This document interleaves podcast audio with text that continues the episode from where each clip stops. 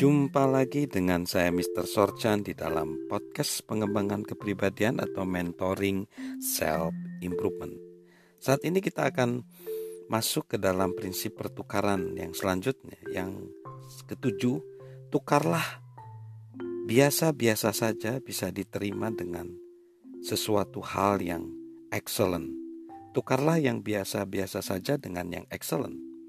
Ingat bahwa sering kali kita uh, tidak bersedia untuk sesuatu yang biasa-biasa saja. Misalnya kita pergi ke restoran yang menunya biasa-biasa saja, nggak begitu enak misalnya, kita pasti nggak mau ke sana. Tetapi kita pengen pergi ke restoran yang excellent dan kita berani membayar mahal dari menu restoran itu. Nah begitu juga kita. Kalau kita misalnya hanya melakukan sesuatu yang biasa-biasa saja dan tidak melakukan sesuatu yang menjadi excellent atau yang luar biasa, maka uh, itu kita tidak berkembang atau kita tidak bertumbuh dalam kepribadiannya. Lalu yang kedelapan, tukarkan pemahaman de dengan pelipat gandaan. Tukarkan pemahaman dengan pelipat gandaan. Kita harus berpindah sebenarnya dari hanya orang sekedar yang menambah nilai pada seseorang, tetapi berubah menjadi melipat gandakan orang-orang tersebut. Jadi kita harus menjadi orang yang mereplikasi, me, bermultiplikasi. Kita harus menjadi pribadi yang melahirkan para leader-leader, para pemimpin-pemimpin hebat yang mana terjadi efek pelipat gandaan. Kita harus mengembangkan orang lain. Kita harus melipat gandakan kemampuan mereka. Karena itu, ketika kita mampu melipat gandakan, maka eh, kita pun akan terus bertumbuh dan berkembang. Lalu kita harus berani menukarkan babak pertama dengan babak kedua. Maksudnya apa ini?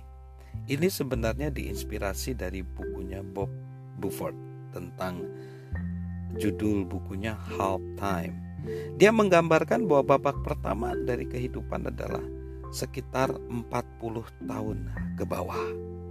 Dan 40 tahun yang kedua itu disebut babak kedua. Dia membagi kehidupan dari dua babak. Dan hal ini menginspirasi bahwa kita harus lebih baik kehidupan kita di babak kedua dibanding di babak yang pertama. Artinya, di babak pertama kehidupan kita mungkin kita hanya mengejar keuntungan-keuntungan materi, posisi-posisi yang bersifat sementara. Tetapi di babak yang kedua, kita mengejar perkembangan kepribadian, bertumbuh di dalam kepribadian, kepribadian kita, karakter integritas sehingga itu menjadi lebih baik, lebih lebih lebih istimewa Lalu yang ke-10 yang terakhir, kita menukarkan bekerja untuk Tuhan dengan berjalan bersama dengan Tuhan. Ini maksudnya apa? Ini berhubungan dengan iman kita. Seperti saya eh, kadangkala kita seharusnya bekerja sama dengan Tuhan. Berjalan dengan Tuhan itu artinya kita menjalankan hidup kita sesuai dengan rencana Tuhan, sesuai dengan rencana Sang Pencipta kehidupan.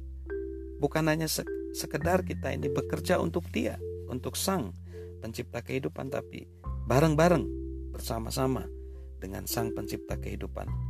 Kita berkolaborasi dengan Dia untuk kita menjadi berkat bagi sesama, untuk membuat hidup lebih baik, untuk membuat dunia lebih baik, bahkan untuk membuat juga negeri kita Indonesia lebih baik.